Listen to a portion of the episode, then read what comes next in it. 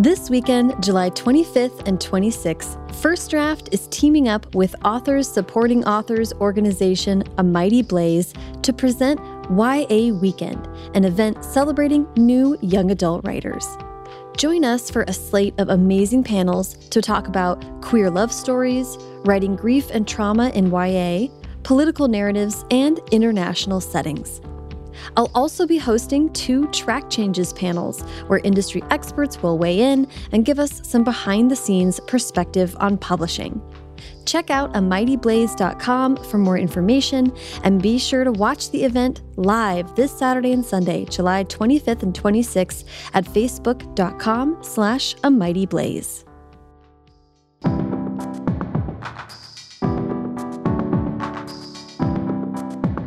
Welcome to First Draft with me, Sarah Enni.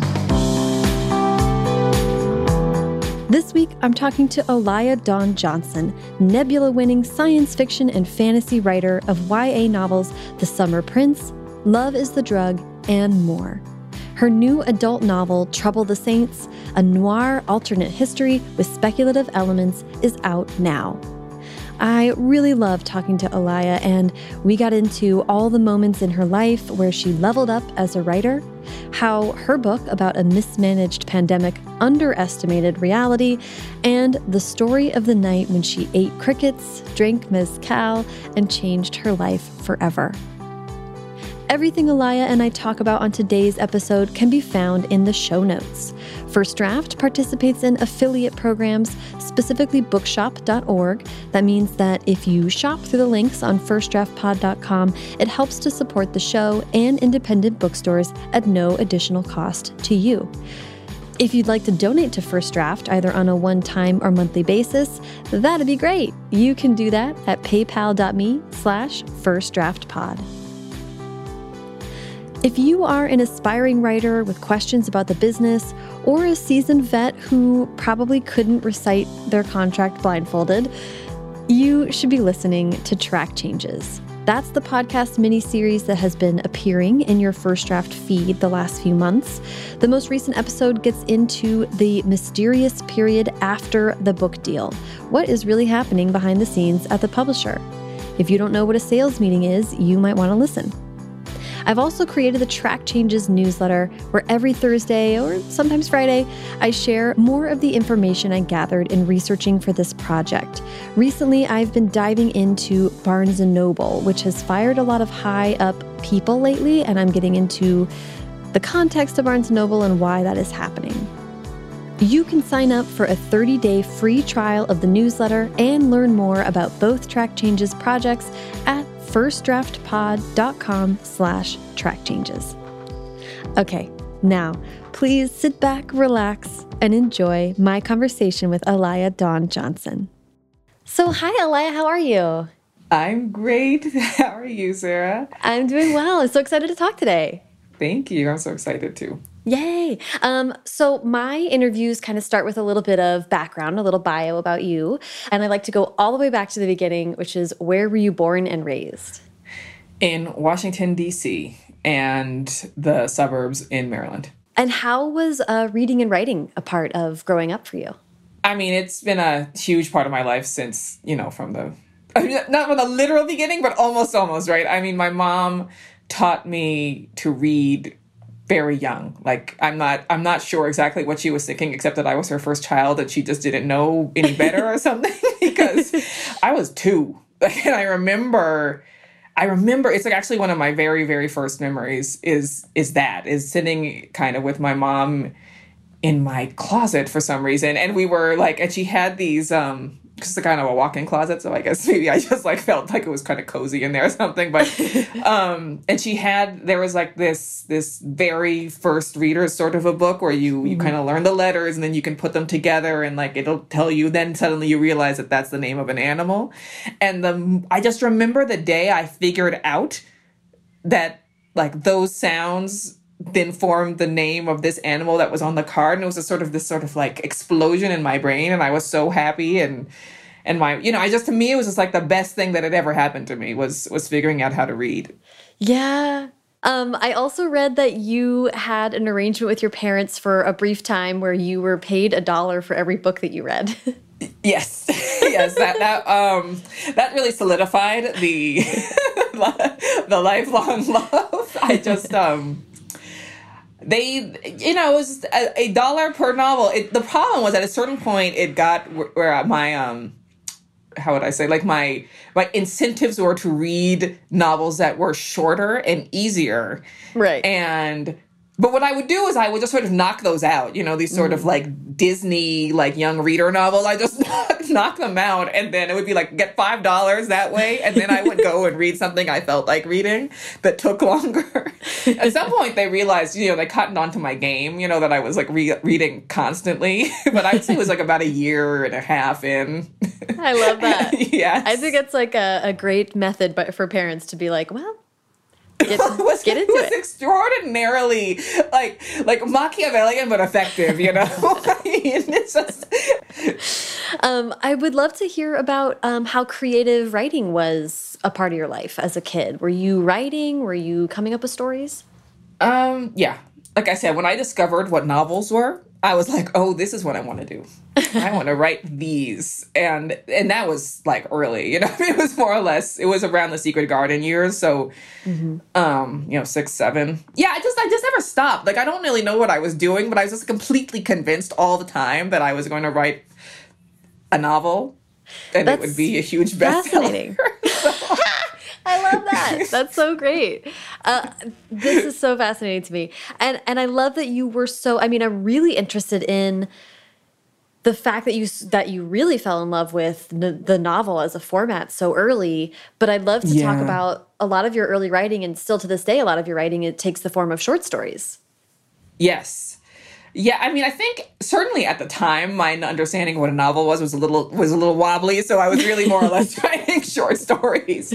Um, at the time, I, when I really got into short stories was like seventh grade, like seventh, eighth, like that. In fact, the, I wrote my very first short story in seventh grade. Oh. So that was like, you know, so I was like twelve or 13 mm-hmm. right? I'm not sure now. I mean, like I really have to like think back as to like what it was that made me decide that I wanted to to work in the short format because I kept writing now. Like I kept I was like parallel trying to write novels that whole mm-hmm. time, but it mm-hmm. wasn't but like I started focusing on short stories. You know, I think it been something as simple as, you know, and life-changing really as as people like exposing me to Ray Bradbury and mm. um the illustrated mm-hmm. man and you know those sorts of short stories that they they give you the classics to read when you're in like sixth yeah. and seventh grade i think it was i think i must have i must have read those and thought like because they're like these kind of perfect jewels yeah and a novel was kind of beyond I kept trying, but it was really hard to like get it together to yeah. write a whole novel. And so I think um, oh, and also my my middle school and high school had a little literary journal Ooh. where they would publish student writing, and obviously, I weren't going to publish a novel, you know. So I think that was the other kind of driving factor was that I could write short stories and I could maybe get them published in this little this little magazine. Yeah, I love that. That's so cool. Yeah. The that's uh, you know, you're certainly not the only writer to say this, but I am struck whenever I meet writers who so early on not only felt compelled to tell stories, which I think a lot of us can relate to, but it seems like you were always convinced that you were going to have an audience. Like you weren't necessarily just writing for yourself. It was like, I need to then bring it out uh -huh. into the world. Uh-huh. Yeah, I, I don't, this to me is probably like the weirdest thing because like I was a totally normal child in the sense of like I also thought I was going to be an astronaut and a ballerina and the you know the National Geographic photographer thing like lasted for like into high school you know I, I was like I, I always had those other but I it's like the thing that didn't change was that I was also going to be a novelist like that yeah. like the being a writer and a, or a writer of fiction and a writer of novels like was like my life goal from figuring out that that existed. And i'm not i'm not sure what that's about. I mean because i it, again like i had all sorts of other ideas. I just really desperately wanted to to write novels. Like i just i just always knew that that was like the format that i most loved. The best i can say is that for me, I found so much kind of solace and pleasure and and escape in in in fiction, and I think. Mm-hmm. It just seemed like, well, obviously, if that exists, then that's something I should be doing, you know? Yeah. I distinctly remember in I think this was have been in fourth grade, like writing like a novel. Again, this was like a short story, but I'm writing a novel and and it was for school or so it was a for a school project but it was like write a story and i like wrote you know i don't know 20 pages or something and and i put like i put it in a little notebook and i made a design for the cover of the notebook and i put a review from the new york times on the cover of my notebook that is amazing I just was like I said like tour de force on it. It's like it's so embarrassing. That is um, amazing. I love that. Um, I want to, I'm interested in kind of talking through your, you then go to college and you don't, from what I understand, you don't choose to study creative writing. You study other things. Yeah. I, uh, what was the I majored in, in East Asian languages and cultures with a focus on Japan. Mm-hmm. Um, what was the, what, I'm just always curious about people who, it seems like you always knew you wanted very seriously to be a writer. Was writing taking a back seat at all? Or had, did you think about studying creative writing? No, I didn't really I didn't really consider it. I basically I was already writing. Like mm. I was just I was off. At that time, like when I went to college and I was deciding my major, I was I was super into Sailor Moon fan fiction.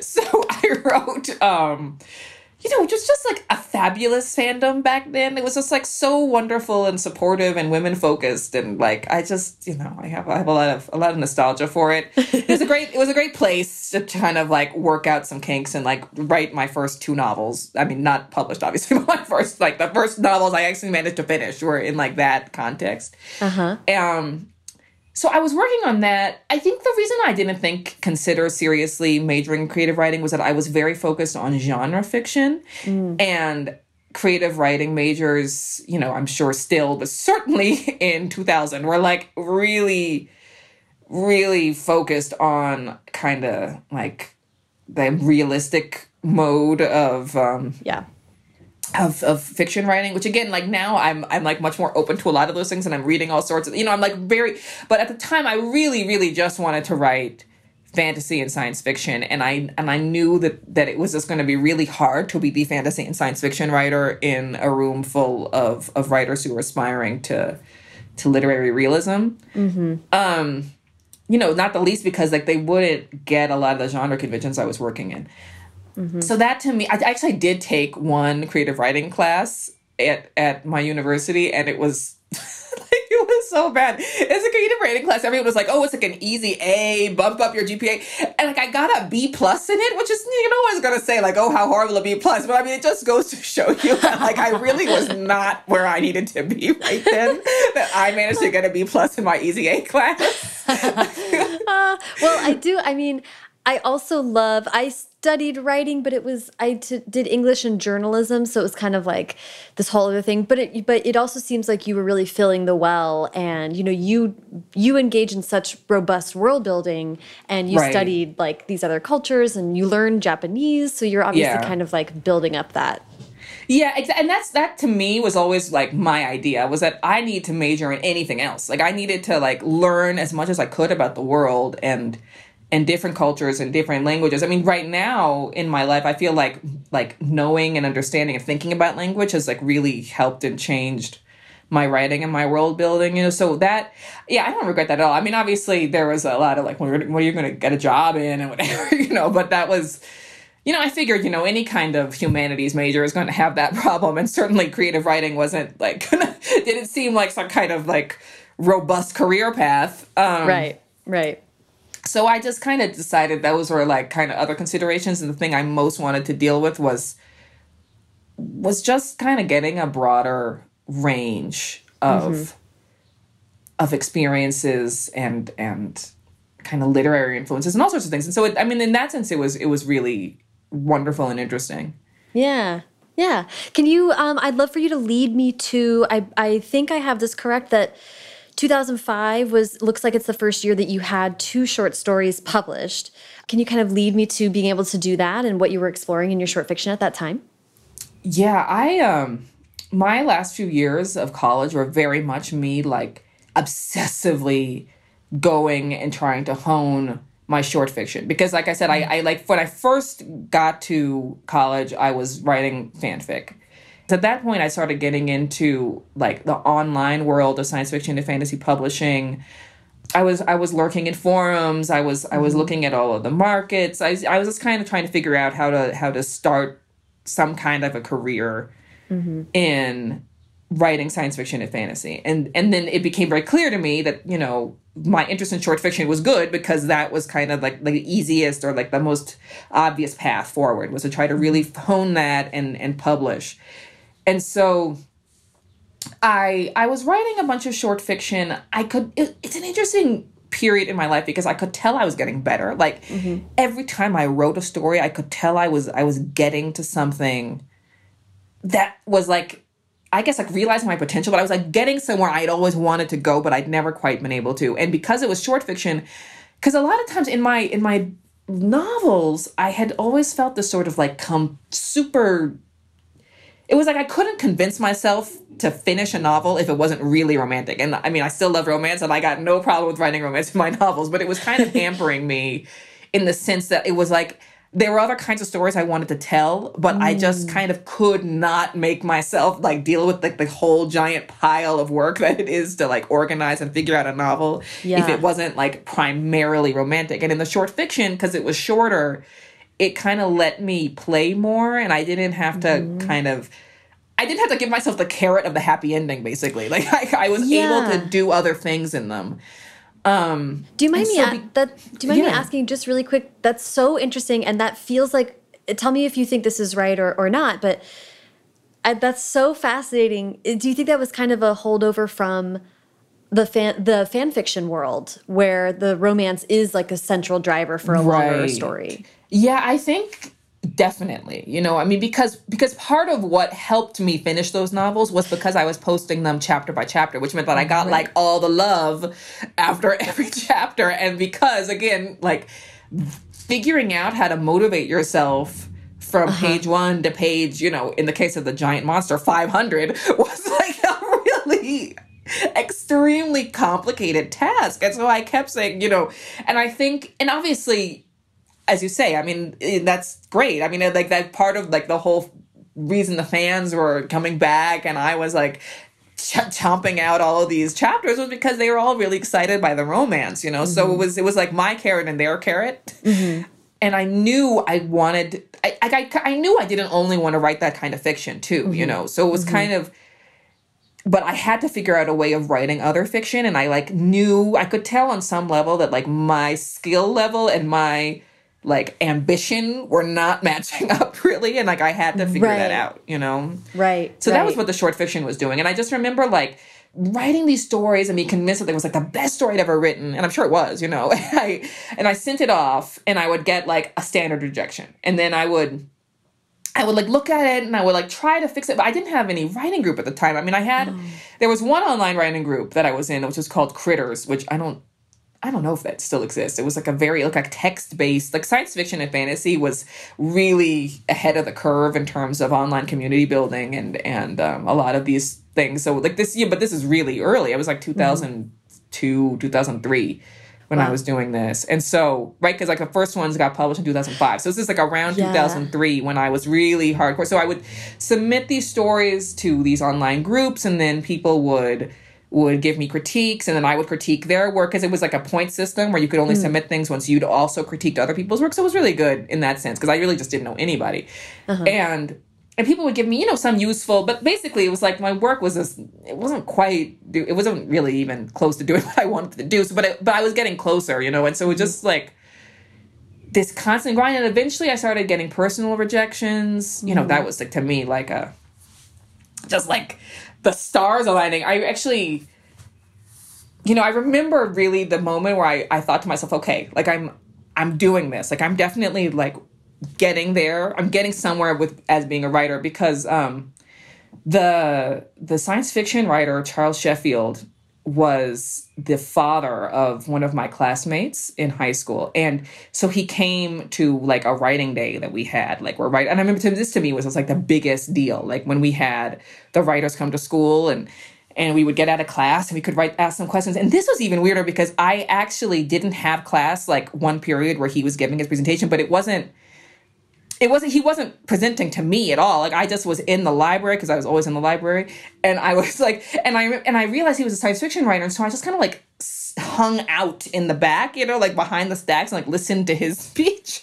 And i remember him saying listen you're going to get rejected a lot. So just get used to it. Like a lot of rejections is good because it means you're trying a lot. Mm-hmm. And you know you're gonna get you know you're getting somewhere when you start getting personal rejections. Like when someone actually tells you like this isn't quite working, but I do think you have promise, you know? And so right you know, and I'd started submitting. I mean, I submitted my first short story when I was still in high school. You know, it was wow. the formiest of form rejections. I mean, like it was, it was like a mimeographed paper that was like badly cut. I mean, it was, and believe me, I deserved it. But um, and and I like that always stayed in my mind. You know, and I remember because so that was like I don't know, like 1998 or something. And then you know, when I first got my first personal rejection from mm-hmm. the magazine of fantasy and science fiction just like one of the big magazines. And the you know, much, much, much later, I got a story published in there that won the Nebula. You know, so it's like a long trajectory. But um, that first rejection, like personal rejection, I, and afterwards a lot of not like forum, you know, not working for me. Alas, it is not working for me. This is he was he was famous for these elasograms, people would call them, and um and then one day I got this personal rejection, and it was like the day I I don't know if it was a day that he died, but it was a day I heard of, I heard of his death that Charles Sheffield died. It was the day that I got that personal rejection, wow. and I just remember thinking like, I mean, you know, it was really sad, and I just, but I just, I just was like this strange connection. You know, like we never met each other. Like he had no mm-hmm. idea that I was listening to him. Mm-hmm. Like I, mm-hmm. but and I literally sat there, like, and I'd been all this time of getting my rejections. I just kept thinking, like, but remember, just keep going because eventually, you know, s- someone will, you know, you'll get to a point where someone will recognize that you you have something, you know, that yeah. you need to keep working on. So I'd love for you to lead us to Racing the Dark um, and how that your first uh, the Spirit Binders series came to be. Okay. So so remember I mentioned the giant 500 word way overwritten fanfic novel, right? So so it starts there basically that I um I had this thing and I I knew it needed to be revised like mm-hmm. but it was um because it was like a secondary world fanfic otherwise known as more or less like original fiction with the names right. of the characters of, right.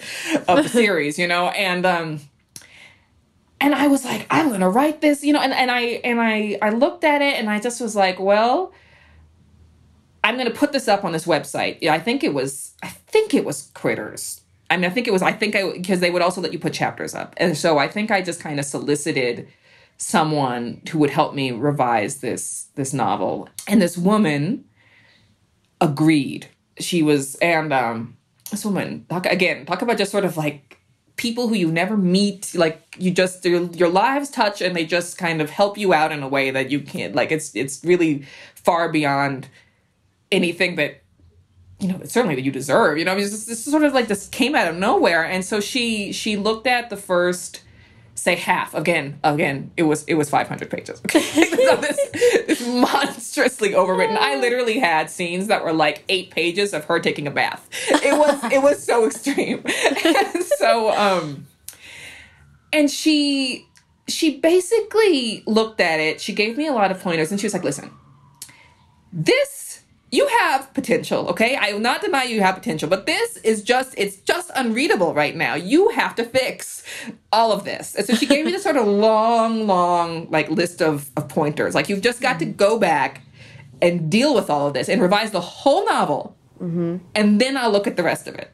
And I said, will do. Thank you so much for your help. You know, I mean, I was, I'm sure I was like smarting, you know, but I was just kind of like, someone's willing to help me. Like, I will not waste this opportunity. Mm-hmm. And, um, and this is all through email. I mean, we just again, like it was just like someone I, I encountered because of this website. And so I spent a whole summer taking like I had this book called like self editing for fiction writers, which Yeah, continues to be like my my the best the best book I I found on just like simple sort of basic, and basically you know how they every chapter is is like a thing that writers do that you should really like go back and fix and rework and think about. Yeah. Every single one, every single one I had done like to the degree that was that had had blown up my novel to 500 words. Like I did I not only did I use words other than said all the time for anything, I used words other than said with an adverb every single time.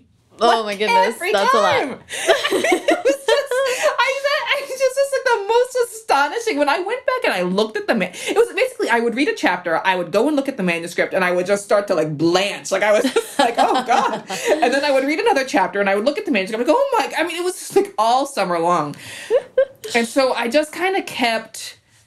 I just I just kept at it. Like I printed Yeah. it out. I like highlighted everything I did wrong according to like the chapter that described the thing that I was doing. just like um it was a lot. it was a lot. It was kind of the first time I'd really critically evaluated my writing. And the and the and the first time someone had just kind of concretely explained that because I understood that there was something different about what I was doing than what I was reading, but I couldn't pinpoint exactly what it was, you know, because I'd Yeah. read a lot, you know, so Yeah. it seemed to me that I should know how to do it, but that wasn't the case. Like, there's a lot of stuff that, for all that I read it, I mean, even stuff as basic as punctuation with dialogue. Like, I, I didn't realize that you put the comma if you had a dialogue tag after, you know, I mean, Yeah. just stuff like that. And again, I'd read that correctly. I just hadn't like internalized it as a rule. Yeah. So so there was a lot of that. And basically how this relates to Racing the Dark is I spend like a whole summer like 10 hours a day like revising and revising and revising and revising. And and more or less without changing the plot i managed to mm-hmm. cut like 200 pages out of that novel. Wow. you know that is how well written it was. I mean it was just like it was and I, and i remember that the feeling after the end of that summer was like I, i'm like so much better of a writer now. Like i never Right. I'm so much better of a writer like I, I just improved like to some like astonishing degree just by kind of critically evaluating so i took that revised novel and then the woman who was helping me and this is what i mean when i say just like sometimes you just like get lucky. Like I don't know, your your paths cross and you're just incredibly lucky. And this woman basically printed out my like every chapter of the revised novel. She would mark it up and she would mail it to me Wow. because she said that she basically she couldn't really work on the computer well. She was also recovering from cancer surgery. And Wow. I and I yeah, and I said to her like, you know, you don't have to do this. Like this is I appreciate everything you've done for me and like if you're, you know, this is this is totally like I no worries, you know. And she said, "You know what? It's it it's kind of takes my mind off of things and it's fine. And I'm I'm happy to do it." And I said, wow. yeah, I just and like so all summer I was receiving these these sort of hand marked chapters. Um Wow. and so then I went through a whole other round of, of huge revisions. Um, this time I did change the plot and I changed all sorts of stuff, you know, and so it was it was just amazing. It was just amazing to me. So basically over the course of the like multiple revisions, and this often happens to me, you know, like I'm in the middle of doing one project and I kind of get like this seed spark for another one. And and this was just like so and this I think it was kind of relevant that it was towards the end of my kind of monstrous growth of trying to figure out how to revise this novel that I that I had this seed spark for for a novel about basically the, the the idea I had was a family is fleeing their island home after some kind of natural disaster. Mm-hmm, mm-hmm. And that there is like tension between the mother and the father and this sense that like the daughter has to kind of figure out her way but she isn't sure what to do or like how to do that. And um like that was it. That was this was sort of the just like this image of this family on a barge boat kind of fleeing an island. But it really stuck with me. Like i kind of ke- i just kept like thinking and the world and all of that was just sort of like hanging out. And so i finished the revisions of the other novel and then i i hunted for agents i got a million and a half rejections it was not it was the it was i had become a much better writer it continued to not be a publishable novel um, Right, right. so so like it was good you know i was i was pleased with myself but it was not like i still have a lot of affection for that novel, you know, for what it is. It's it's delightful and, you know, Yeah. that's great. But it wasn't really it wasn't really like a novel that I should have gotten published and as attested by the giant stack of rejections that I got because these were back in the old like snail mail and like self-addressed stamped envelopes days. So um a lot, a lot of rejections. And I um and and basically at some point I realized that like that wasn't gonna work. Like I just couldn't publish that novel. And Yeah. part of what really got me to understand that was because I started writing Racing the Dark. And it had a ton of problems and everything, but it was so clearly it was clearly me finally being able to write my fiction, my long form fiction in the way that I'd been honing my short form fiction. Right. Um and You so, leveled up. yeah, I just I just clearly leveled up. And so when I went back, I was like, okay, you know, I love you. You helped me so much, but now I'm just gonna have to like Yeah. let you sit in the drawer of my like you know my old story file. And i and that was and so that was when i i wrote i wrote racing the dark. And then that was like its own long process of revision. You know i mean every every basically those we all keep leveling up and working. But i feel like you know when you're when you're on like the early part of the asymptotic curve like every novel is just sort of like so Yeah. you're just like constantly overhauling your process and your way of thinking and like how literally like how you think and how you create and how you how you um kind of craft your stories and so that was what you know so racing in the dark was its own kind of crazy extreme game of of of of, of, of one-upsmanship or something but i um the first book was hard for me to write emotionally. It was it went to like some dark places, and the second one was just brutal. I mean, truly, I have never had a more complicated and fraught writing process in my Wow. life. I mean, it just was the hardest book. It was just the hardest book I like. It was ever possible to write. I just I I I feel like I barely made it. You know, it was just it was really brutal my long term relationship at the time was ending right when I was finishing it. Um, I was incredibly isolated. I was I, I wrote most of it in the middle of winter, a brutal winter in New York, uh, where I didn't leave the house for months Wow. and I just and I and I had like this horrible sleep schedule where I was waking up at like I don't know. I mean, really late. And let's say like two or three in the afternoon. So I would get maybe two or three hours of sunlight, and then it was dark, and then I would work these these 15, 16 hour nights Wow. because I I promised that I would turn it in at like the end of January, and so I it was just like this this and and I and I basically when I promised I'd turn it in at the end of January, I'd written half the book. Wow. So I had I had like so let's say the book ended up being like 130,000 words. Like I had like 60,000 words. Oh my um, gosh. And so I wrote 70,000 words in like a month and a half. Wow. And I'm not a fast writer and those it was a hard book and I definitely leveled up. I mean, I could tell like I reread that recently, like last summer and it was interesting. It was sort of like visiting like this old time in my life like where I was really having a hard time and it was oof. and I um but I, you know, I was really impressed with myself too. Like, I kind of felt like, well, you know, at least for like all how hard it was, I'm really glad I managed to get this out. But it was just, it really took something out of me. I mean, it took months for me to recover and write something else after that. Yeah, yeah. I, I've had those. Uh, some of those. Some of those projects. They just you have to walk away for a while and Yeah. recover and be a person again. Right. You know, and I think on, on some level, it certainly like helped me, you know, I think, but it was it, in a sense that I just kind of had to like really put out there a lot of things that I'd been kind of repressing or not able to deal with. You know, I mean, for me, in a lot of ways, that's just what fiction does, you know, it just like allows me an outlet to like disentangle things that, that I haven't been able to figure out on my own. Uh, I want to um, jump ahead to talk about the more recent stuff. I want to touch on the Summer Prince and Love is the Drug, and then get to Trouble the Saints. Um, Okay.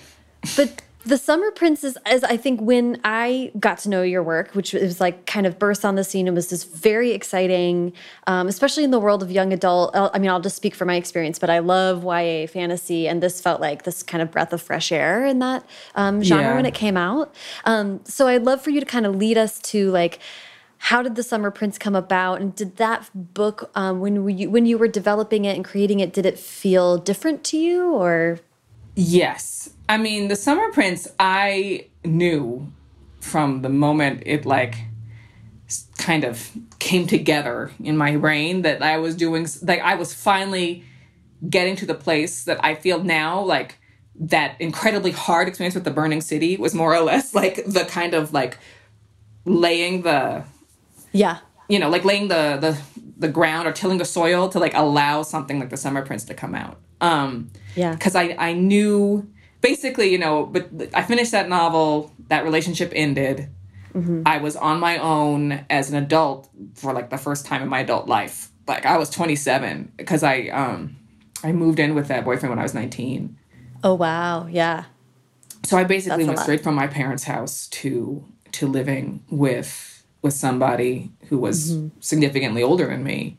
Mm. you know so really i i hadn't had a kind of freedom or an ability to just sort of see and feel myself like in my own mm-hmm. space Mm-hmm. Um, and that idea for the Summer Prince really started to germinate exactly when I left that relationship. You know, sort of like started to like all of like the pieces came together, and I kept thinking about it, and it sort of like kept growing, and it was like had to say the, the pyramid city and the matriarchal society and the and the and the summer king um you know using like those kind of like old um like kind of very old folk lore kind of traditional ideas and like mixing it with this kind of like extreme science fiction and what now people call like cli-fi or solar punk, you know, like that kind of, I mean, at that, at that time, believe me, I had no idea what of those terms meant and I was not thinking about that, but I was and am, you know, still very interested in, in those sorts of issues and how people might manage to, to create better worlds and what those problems those worlds might have. Still, I read Ursula Le Guin for the first time. Um, you know, a couple of years before that. So, like The Left Hand of Darkness and those kind of interesting experiments that she was doing. I mean, I love her. So, um, were really also percolating in my brain. And so I think I just kind of was finally in a place in my life, like in terms of skill level and just personally, to to actually tackle something that was as ambitious as that idea. Yeah. And that and I and I started writing it because I just I just felt like I just needed like a change. I needed something to be different. Like I needed like a space of my own. I mean, that was really mm. what it was. I just needed a space of my own. And so I I had a lot of Amtrak points and I used them to literally take a train across the country. Like I took a train from New York to Vancouver. Really? And yes. Wow. And that that was when I started the Summer Prince. It was like sitting on a train like listening and I'll tell you something about trains, uh, long long distance trains. People who take them tend to be people who are interesting in a lot of ways, maybe like slightly more displaced, and I'm totally including myself in that. You know, like we're just people who are who are not, you know, you're just going from one town, but but if you're going to take the train across the country, like there's there's a reason why you're doing it. I guess is the best way to put it. Yeah. And um, and so a lot of different reasons, right? But this, there was a sort of camaraderie, people telling stories, kind of hard, brutal stories, people sharing a lot of themselves and and you know me sitting around like you know like like yes yes yes I'm so sorry that you know this tragic horrifying story you're telling me happened to you but can you just give me a second? You know they, like looking over my shoulder like uh, right. You writing something religious? Because I'm you know I'm writing about the you know,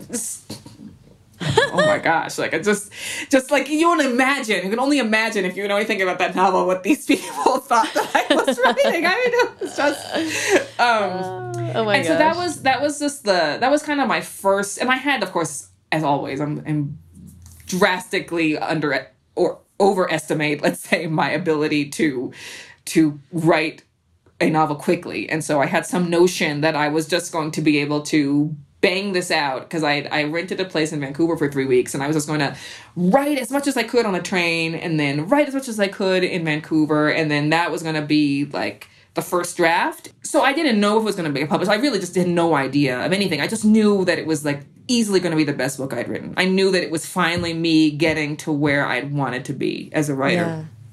And so. Yeah that was that was it. I mean, I just so I just knew I had to like throw the dice at this point, take some time off, and write it. Mm-hmm. You know, even though financially at the time it didn't seem to make that much sense, and I was living on my own, and I was like, you know, it's a lot of stuff that I was trying to juggle. I just I just did it. Do you mind really quick? I do want to ask about Love is the Drug, but do you mind just pitching the Summer Prince in case people aren't familiar with it?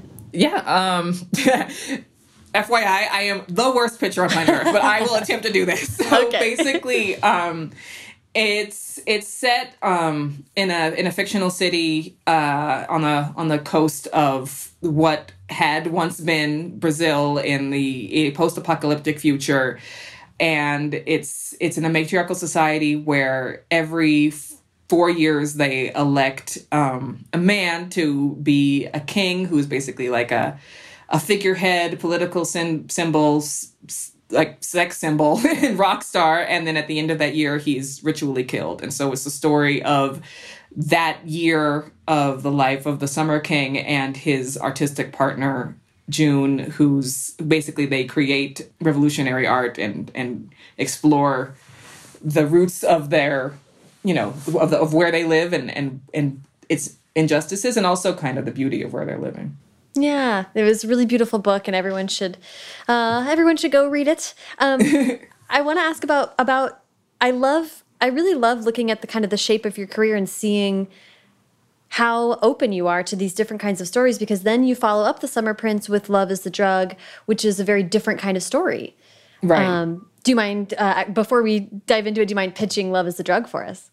Basically, uh, Love is the Drug takes place in Washington, D.C., kind of like around the corner from the future now of the past. Let's just put it like that because yeah, um, right. it's uh but around the corner of the future of 2014 when it came out and um, in the midst of a, a global flu pandemic and washington d.c is under protective quarantine and it's all about the differential effects of of um, of healthcare access of education of all of these things that we're now totally in the middle of seeing um, but but it through a lens of a kind of political thriller of a young girl who's at a um, at a, a DC private school and is kind of in between these these worlds because uh, DC is is at once kind of a very political, wealthy enclave, and it's also, um, well, at the you know when I grew up there, I don't know if it still is at this point, a majority black city with one of uh, a very large black middle class and um,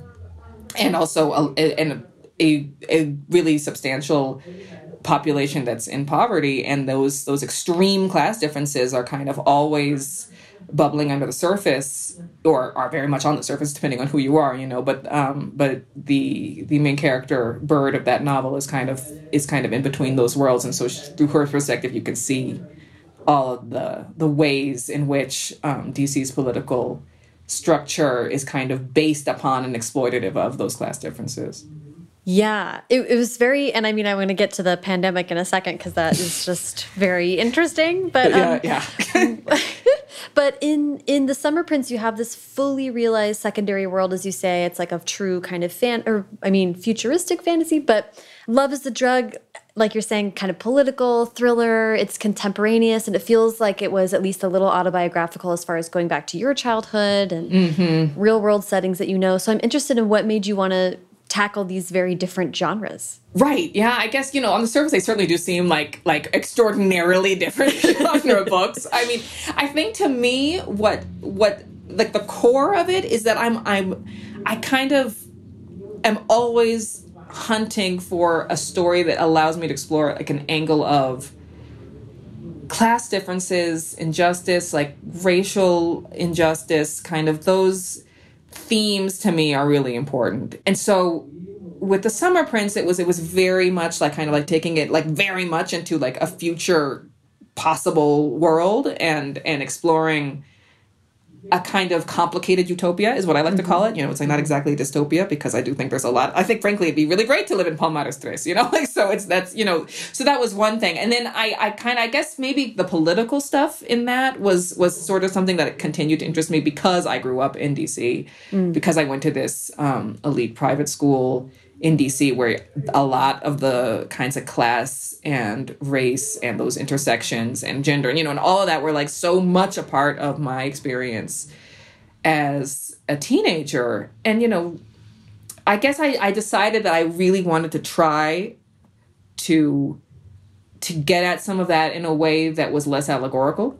Mm, yeah. You know?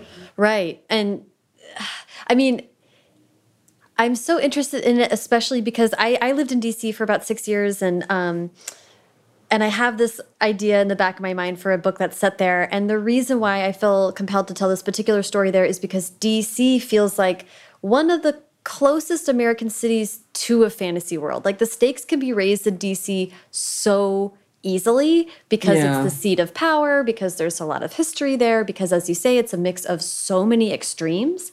Mm -hmm. um, so it's it struck me as like, well, in some ways it is fantastical and has a lot of yeah. that element to it. Yeah, I mean, it definitely is very high stakes, you know, and like I think, I and I guess you know that's also part of the reason why I wanted to do it because I, when you grow up in DC, especially you know, you grow up the way that I did, which is you know, in that sense, as you say, it is very autobiographical. As someone who was like straddling worlds, you mm. know, um, a black girl who was in this elite school, but also um, her religious community is like very much not part of that world and it was like part of like um, kind of middle and lower middle class like black and um, uh, well, you know dc like african immigrants immigrants from the from the caribbean african americans like descendants of slaves like all of us kind of in this other world and in this all of the in my family like third generation DC kind of very much kind of that like the the first generation of like my grandfather's generation they were able to come in and get government jobs and establish because the government was one of the very first institutions that desegregated for mm-hmm. for black workers and so there was a lot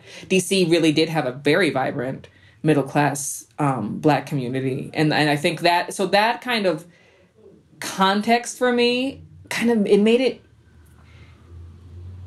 I guess it, it it gives DC a layer that it very rarely gets in all of the political thrillers and all of the movies that are set in it. I mean, literally, it's kind of funny that I, you know, as I mentioned, like I went to Vancouver to start writing Summer Prince. Like I'm always complaining about how everyone sets like call, like makes DC like DC Vancouver because like they'll actually film a lot of DC in Vancouver and it's just ridiculous. I mean, it's just ridiculous. Like it doesn't look like DC. Yeah. It doesn't. I mean, it's and they turn it into this this white I mean, in, totally, totally whitewashed place. I mean, you know, no one's ever heard of go-go. I mean, it's just like, I mean, nothing, nothing is like what it actually is like.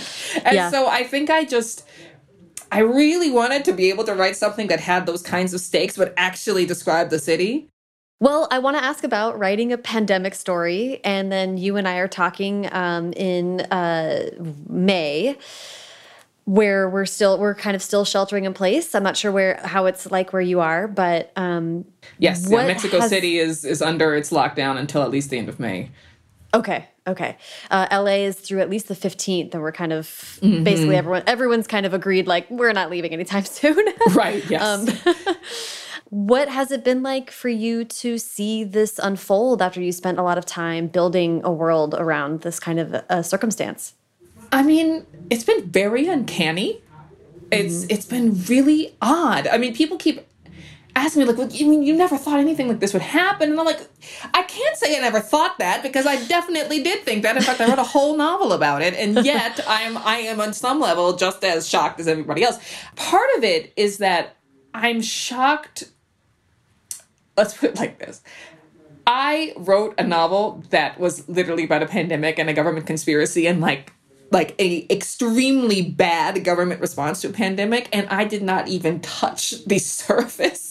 Like not even like i, I barely managed to imagine something like a, a bad government response compared to actual reality. And that is more than the disease. Like that's what's getting to me is just that and it's not i mean obviously the response in the states has been extraordinarily appalling. I mean, mm-hmm. on some level, that is it's kind of truly i mean for a fiction writer you just kind of stare at it like no one would write this like yeah. no one would have written this if i had put this in my novel it would have been written out because it would not be believable in any way but it's but you know but that attitude is is kind of infecting and also reflective of the attitudes of other leaders in the world. You know, I mean, Bolsonaro is like doing his best to to you know go as far or be as or worse you know than Yeah. than what Trump is doing. Um, in Mexico, the response has not been great. I mean, it hasn't been that bad, but it's not been great.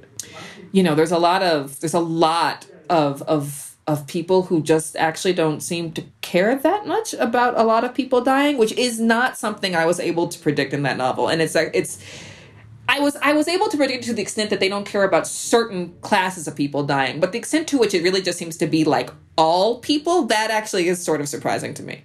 I want to let's let's talk about Trouble the Saints, but I want to ask about sort of between Love is the Drug and Trouble the Saints. There I think there was a lot of change in your life and there was kind of a span of years and I know you went back to school and I'd just love to hear about what's been going on in that time. Yeah, yeah. So it's been like six years of gap, right? So like a lot. I've been doing a lot. Um, it sort of, it sort of seemed like I was just like I just like fallen off the face of the earth, but I had really like fallen onto the earth. Is how I would describe it. I um, I was living in New York when The Summer Prince came out, and I had and like when it came out, I had a draft of Love Is a Drug, but I, like, I needed to revise it. Um, basically, you know, there's a lot of a lot of things in life. Like a relationship ended, and I was kind of left there in the sense of I di- I I didn't have enough money to live in New York. I mean, it was pretty clear that I had to make some serious decisions about my life. Um, because you know like a lot of people who live in, in major cities, especially New York. No, I mean, you can kind of maybe make it if you're sharing the rent with someone in a one bedroom apartment, but the second, like, you can't do that, like, a lot of equations have to change. And so I was like, do I get a day job? Do I do something else? Like, do I freelance? Like, but it's just, I mean, it was, it was, I was barely ma- managing even at, you know, before. And then, you know, everything started Right. changing and I was like, oh gosh, what am I going to do? So I just decided to, to put all my stuff in storage and kind of put off the decision, you know, and say, all right, I'm just, I, I gonna, I'm gonna travel to Mexico. Like, I'm just gonna spend five weeks in Mexico. Like, that's my plan because I don't know what to do with my life right now. And, um, I basically was like, I have enough money to do that. so I, uh, I took five weeks. I, I flew to Cancun because that was the cheapest ticket. You know, because they'll, they'll subsidize those tickets, you know. But I got out of Cancun like as quickly as possible, so I just flew to Cancun, uh, took a bus to Tulum, which is like a kind of smaller beach town.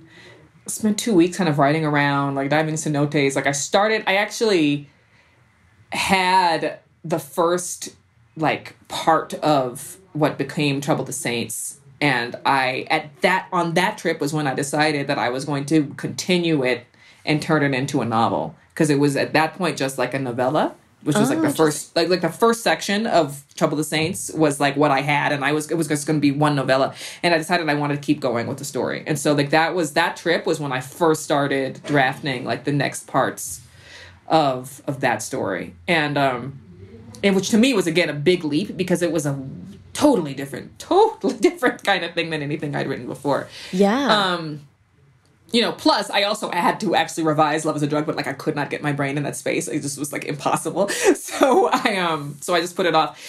And I was just of running around. I didn't know any Spanish. I like I didn't know I just loved Mexico. I'd gotten a, a grant to to do a, like a kind of research trip there like a few years before that, and and I went with my sister and we toured and we went to like every archaeological site and I and I got all these books that I couldn't read because they were in Spanish. And I um and I and all I you know because I was my my dream was to write a novel that was set in um pre-Hispanic Aztec Mexico and that was like my like this whole this is my my giant magnum opus which by the way continues to be the giant magnum opus that i haven't written. So like you know that was like my whole dream. And so i came there and i was like i'm just gonna go and one and so i eventually I, I did i did like couch surfing. You know like i said i stayed with some people and and i kept like doing pimsleur spanish. And then i went to this i went to san cristobal in in chiapas and that was kind of when things really started kind of exploding in a sense of just like me seeing all sorts of different possibilities of my life than i could that i couldn't see before because i um I ended up hooking up with these students and they were they were like students of like an ecology program that that kind of went to various different locations in in the south of Mexico but at this point they were in San Cristobal. And so that was how we ended up like through like like the acquaintance who I did couch surfing with knew someone else knew someone else. And then eventually like I, I ended up meeting these people. And it was such an interesting experience because they were they were students they they could read English you know but they couldn't speak it very well mm-hmm. I obviously spoke zero Spanish I mean at this point my Spanish was like at 1% okay so it wasn't exactly. It wasn't like one hundred. It wasn't actually zero, but it was maybe one percent. And so we. You would think that we would not be able to communicate with one another and this would just fizzle. But no, I spent like an entire 10 days hanging out with them and we would just go to different things. We went dancing and they invited me to like their parties and, and, and sort of like, um, I just had this like total like opening into a completely different world. Just like a, a completely different world. Just people, the way that, um, I don't I don't know how even to describe it. It's so odd. Like it, just to me, and it, like at, at least at that time, like I'd been a student, but I never. I never had that kind of camaraderie. I'd never kind of mm. seen people that that kind of sharing of artistic and political and academic vision this this it's something that in the years since I've I've really become part of those communities and have many more friends in them but this was like the first my first like window into that. And mm again, I'm not sure the extent to which this also exists in the States, but at least in my experience, like I never I never experienced that. And mm-hmm. I think mm-hmm. it's something that is much more common and and kind of welcome in Latin America. And so that was kind of the first time I, I'd seen it. Again, I mean, like the language barrier was kind of extreme, but it, but eventually, I mean, I again because I was hanging out with them so much, I ended up learning more Spanish. Like my Spanish like picked up. Like so, like by the time I ended that trip, my Spanish had gone from like one percent to ten percent.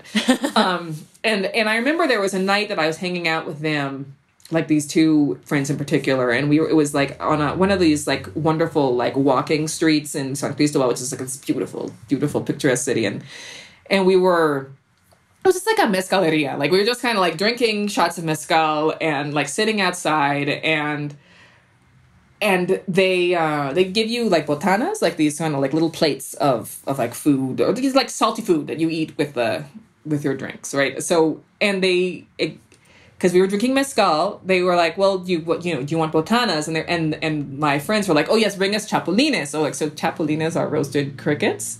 It's like a very traditional botana um, in Mexico. Not so much in Chiapas, but you know, we were drinking mezcal, so whatever. so they gave us they gave us some chapulines, and um, and it was. And I remember looking at them and I was like, "Oh, these are those are insects," you know. And they're like, "Yes, yes." And I'd already had like two or three shots of mezcal, you know. So I was kind of like, "But those those are insects." I was like, "Well, I can't because you know I'm vegetarian." And they looked at me and they said, "Well, you know, insects aren't meat." and I said, again, this is like extraordinarily basic Spanish. I mean, like, or like, and mixed with extraordinarily basic English. I mean, but we, we managed to understand one another. And, um, and like, well, insects aren't meat. And I was like, well, you know, somehow this like struck me as very logical. You know, I was like, it's true. It's true. Insects aren't meat. They are insects.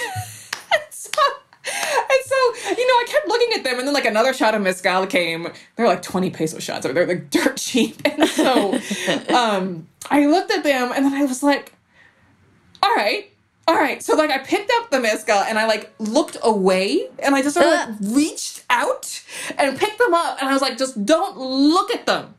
As long as I don't look at them, then I can eat them. And I like chew them and I drink. I was like, these are delicious. Would you believe it? I ate that entire plate of crickets.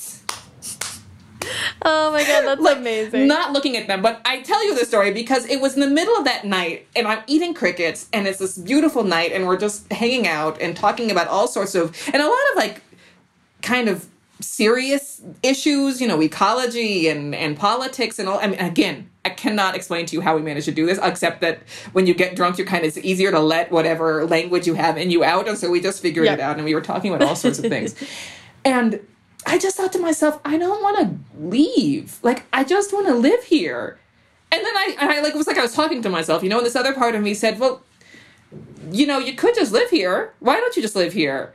And I was like, yeah, but oh, come on, you know, like, how can I just move here? It's like, well, why not? Like, you can just live here. I said, okay, okay, pause. I'll just come back to this when I'm not drunk, you know? Right. Like, right. like let's just make this decision sober because this is, I don't know, I don't know what's even going through my head, you know. And I woke up the next morning. I said, okay, so I thought that. Now I'm sober. What do I think? You know? And I was like, nope. I think I'm right. I think I do want to live here. I mean, it was just, it was fairly. And I don't, and I just think it never would have occurred to me. I don't think I ever would have been able to get outside of myself enough if I hadn't, if I hadn't just been kind of in that space, you know, where, which sometimes happens, right? Like you get your heart broken and you're just kind of more open than you Yeah. have been. You're just, you're just kind of like thinking about things differently. You're just in a weird altered space and it's it's horrible. And don't get me wrong, I'm not like, you know, you should break your heart every few years and like figure out you're like, no, I mean but, but like if it's happened, there is sort of a weird opportunity in it, like Yes. a kind of perverse ability to sort of take a step back and go, okay, so like what do I really want? You know? And that was what ended up happening to me. I just kind of said, well, I could go back to New York. And listen, I love New York, you know, but it's become a very uninhabitable city with you without money, and which means for artists, you know, like for artists without day jobs, and even with day jobs, it's it's become very different from what it was. You know, what what Yeah. New York represents and what it is are more or less as diverged right now as they've ever been. Yeah. and and what i found in mexico city when i moved here you know a few months after that you know i, I kind of couch surfed on friends couches for six months after i came back from mexico that time. And just like i just lots of lots of lots of loving kindness. That's all i can tell you. Like a lot of people put up with me and like went on vacation let me stay and house sit and stuff. I mean i just made it work until i could i could get another ticket out. And um i moved here without speaking spanish and without knowing anybody and um and it was it was just like I don't know. I think it's just it's just kind of an amazing opportunity that I took, but it was not one I would have ever been able to take if I hadn't been willing to make that leap. And in Mexico City, I found a place that really is more welcome to artists that does allow you to to create and and you know, I'm not saying it doesn't have its problems because it obviously does, but it it it just has more room, you know, in a way that I felt like New York was just kind of squeezing us out and out and out and out, you know. um, And I just and I and also like a, a wonderful, amazing community of people from all parts of the world, also congregating here, and that's kind of what I loved about New York. And so to find it here was just like, you know, so I basically like this just changed my life, and everything was much better, and that was why I was able to. um well, I mean, that was in the why being why I was able to write Trouble the Saints. You know, just because I, I finally had room to breathe. I didn't have as much financial pressure. yeah. I mean, the thing that would have been most logical, because I did have some success with Love is a Drug and and The Summer Prince, would have been to write another YA. And I love YA, and I'm right now like finishing a new YA novel, but I just did not have a YA novel in me at that time. Like I Yeah, really I mean, didn't. I'd love to. So, so before we st talk more about specifics, I'd love for you to pitch Trouble the Saints, just so we have a, a good sense of it. if you don't Okay. All right. Here we go again. so, Trouble the Saints is basically uh, in New York City at the dawn of, of well, the U.S. entrance into World War II. Uh, a woman is a kind of jaded assassin is trying to get out of the game and uh, discovers the truth about her mob boss and her former lover, who she's still hung up on. And um, it's it's basically a novel about oh yeah, and the and the woman who is the jaded assassin is an African American woman who's passing as white for the mob and um, and so it's about uh, the kind of dual worlds that she lives in about her negotiations it's about power it's about about what we sacrifice in order to try to get some and how much that takes away from our own humanity. Um, about how marginalized people in white power structures have to make a lot of very bad choices. Um, and that those choices have a long-term impact and that's part of a kind of a legacy of trauma. Mm. It's so it fascinates me that you i mean you had that first that kind of novella of trouble the saints that it kind of was built on but then it sort you're it sounds like you left new york in order to feel free enough to write about new york. Yes yes. I mean that I mean that to me was always like very odd. Like I'm sitting around in Mexico City and sometimes I would, you know, I went to like Veracruz and I wrote a bit of it. Like I was like going traveling all around Mexico and I'm writing about New York, you know? It's like but I I felt like ironically, New York never would have let me write about New York if I'd stayed there, you know? It just it was it was like for no other reason but financial. I mean, I just did not have the resources to be able to write as risky of a book as this was.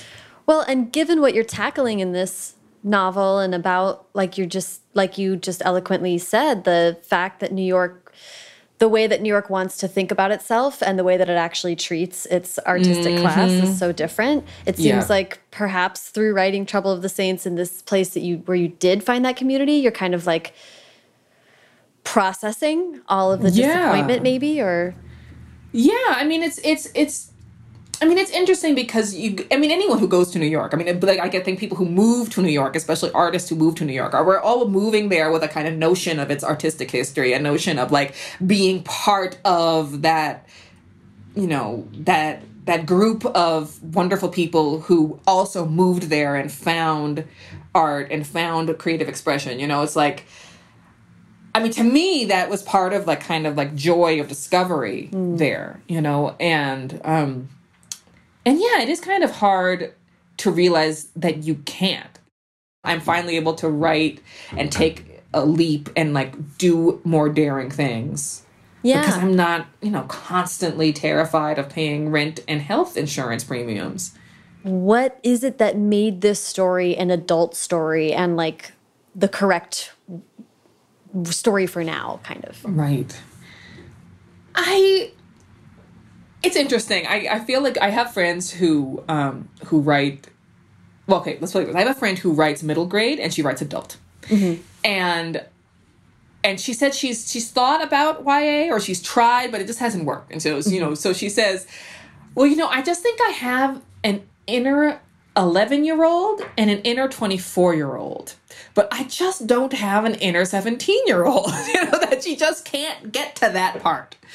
Um, that's so funny. And I think a lot, for a lot of us, that's true. Like, we just have, like, ages at which we can always go back, and there's always kind of a creative spark around that. And, mm -hmm. um, and, and it's, it's interesting to me because I, I, for a long time was only really able to write YA you know even even if it was like technically not YA it was more or less YA like I just I have an inner 17 year old I mean like I really do. I have an inner 17 year old and I can always go back there and I always feel this sort of powerful need to try to express and write stories for people at that kind of cusp age. Because to me being exactly like you're almost an adult but you're not quite you're still under people's power but you are really questioning that power. I mean to me that is just endlessly ripe, right? I mean, mm-hmm. this is you kind of you kind of never you to me in any case, I've kind of never for all I've grown up, I've never lost that questioning and that sense of kind of mom- that moment of really understanding of like certain injustices, I guess, which which was for me 17. Um and so writing an adult novel that was just straight up an adult novel wasn't something that I'd really thought about or been able to do until I wrote that, um, you know, the, the short story or the novella that ended up being the, the novel. And, and I can't tell you exactly what it was, but I think it was, it was something of, it was somewhere, something in me, you know, maybe this, it did actually come from this because I, I had this, this moment when I was 28, 29. Okay. And it was, it was, thinking about how I wanted to travel, but you know, as we were discussing, these financial issues meant mm -hmm. that you know I could barely manage to pay the rent to New York. So like getting on a plane and going someplace else was just kind of a joke.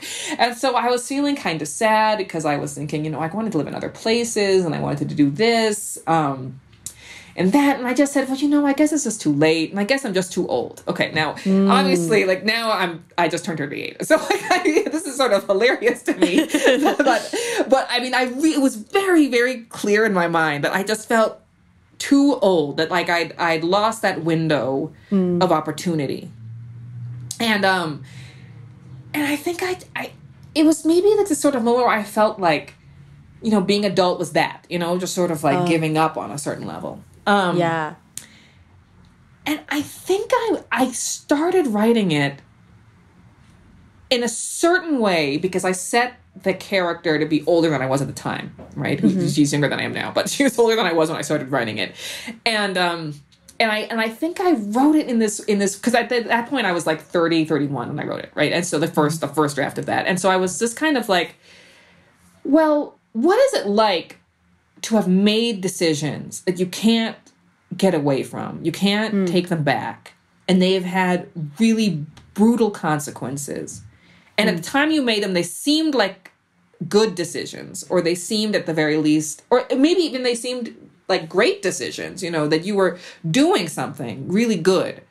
But at mm-hmm. some point, you're older and you realize that they were actually really bad, that they were actually, that you would totally lied to yourself and been lied to. And now it's too late, you know, that you just, you're just, you just can't get that back. It's too late. Mm-hmm. Like, what do you do? And I think that was that feeling mm. and possibly kind of really rooted in this this weird notion I had of just like it's too late, I'm too old, you know, and um, and I think it's interesting now that I'm saying this that I that it probably did kind of come out of this this the I was finally able to write an adult or wanted to write an adult novel because I wanted to kind of capture that that kind of weariness.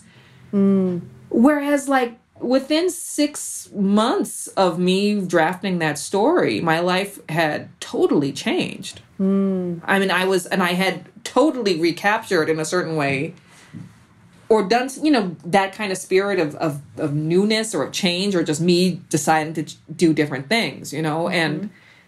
And, and all of that that kind of feeling of it's too late and now I can't do anything. I mean, it's all you know, it just went away because I, I, realized it wasn't. You know, I just I right. did and of course that was when i started writing the rest of it. I mean that was when i decided i had to keep going with the story that i couldn't just make it a kind of bleak one note noir story. You know i wanted it to do something else. But i mean but on the other hand a lot of what i was trying to do and i think that became much clearer to me as i as i kept going with it was was also trying to understand the choices my parents made trying to understand the choices my grandparents made trying mm. to trying to really kind of delve into what like what does it do to us? Like what does generational trauma do to us? Because because mm-hmm. none of this comes from nowhere you know? And and i and i think in that feeling of of it being too late and everything being kind of done i think is is not i think it can also be something sort of inherited.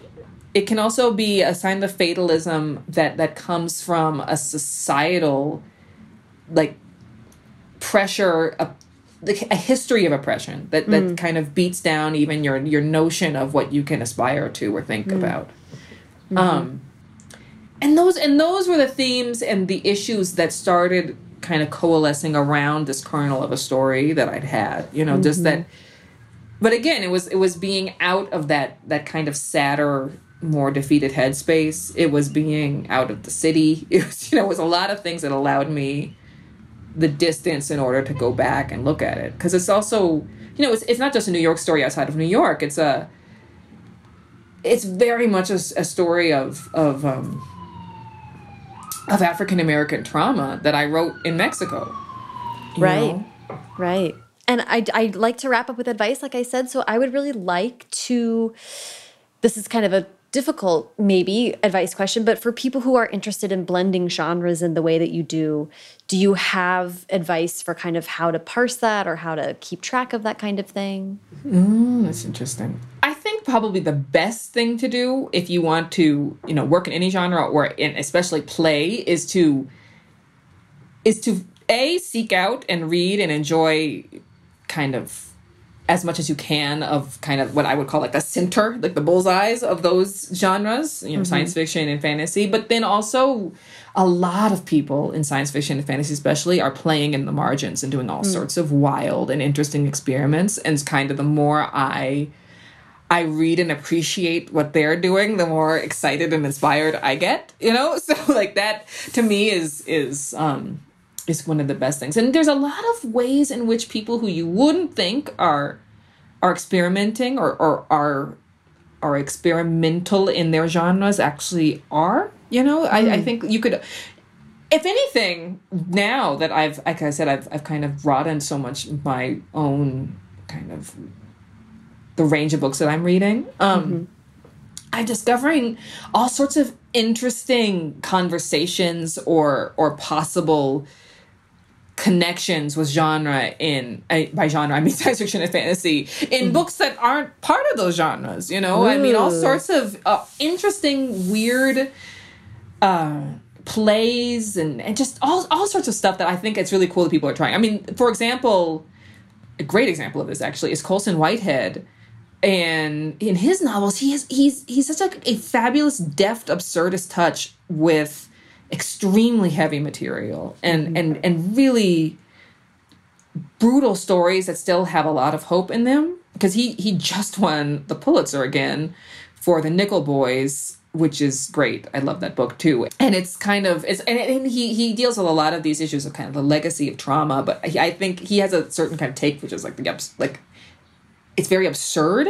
And I mm-hmm. think his notion of the absurd is what gives his book, to me anyway, a kind of touch of what I see as a kind of fantastic kind of sensibility. Not content, but sensibility. And that mm. is is what I love about kind of having branched out. Is that all of a sudden I find these things all sorts of places. Like yeah, I mean, like there's there's Colson Whitehead. Obviously, I mean, there's there's all sorts of of magical realism and stuff. I know people mm-hmm. that things that are published as as literary realism, but have all sorts of of different angles and and aspects and ways of of viewing the world. So in folklore and and other kinds of stories and other kinds just nonfiction there's all sorts of weirdness all over the world and i think that that the more i expose myself to it the more rich and fertile my imagination gets and it kind of makes it it almost makes it automatic and obvious like genre hopping and blending. It just it's like that's that's the way the world is you know? Yeah.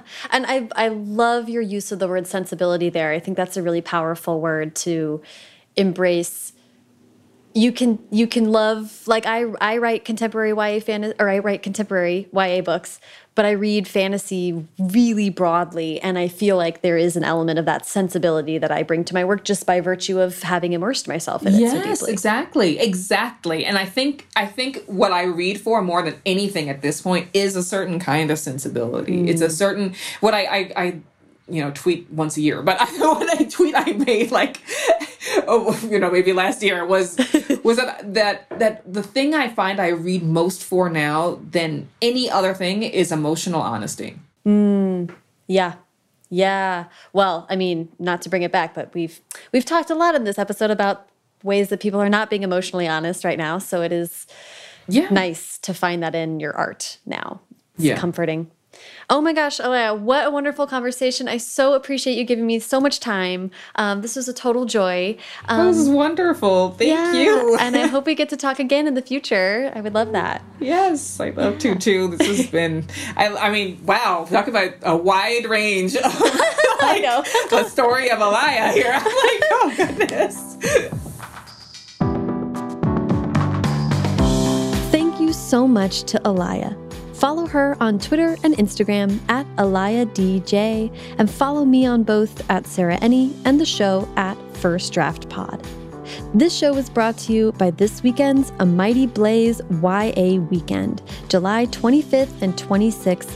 Check out amightyblaze.com for more information and tune in live at facebook.com slash amightyblaze. A quick and easy way that you can support First Draft is to subscribe to the podcast wherever you're listening right now and leave a rating and review on Apple Podcasts. Leaving a rating or review on Apple Podcasts only takes a couple minutes, but it really has like a disproportionately positive impact on the show. It uh, is a great thing to do for First Draft and any podcast that you love. Finally, if you have any writing or creativity questions, I would love to hear them because we are revving back up on getting these mailbag episodes going. We took a little break uh, for production reasons, but we're getting back in the swing, so I want to hear from you. Call and leave your questions at First Draft's voicemail. That's at 818 533 1998. Or you can record yourself asking the question and send me that audio file at mailbag at firstdraftpod.com. Haley Hirschman produces First Draft, and today's episode was produced and sound designed by Callie Wright.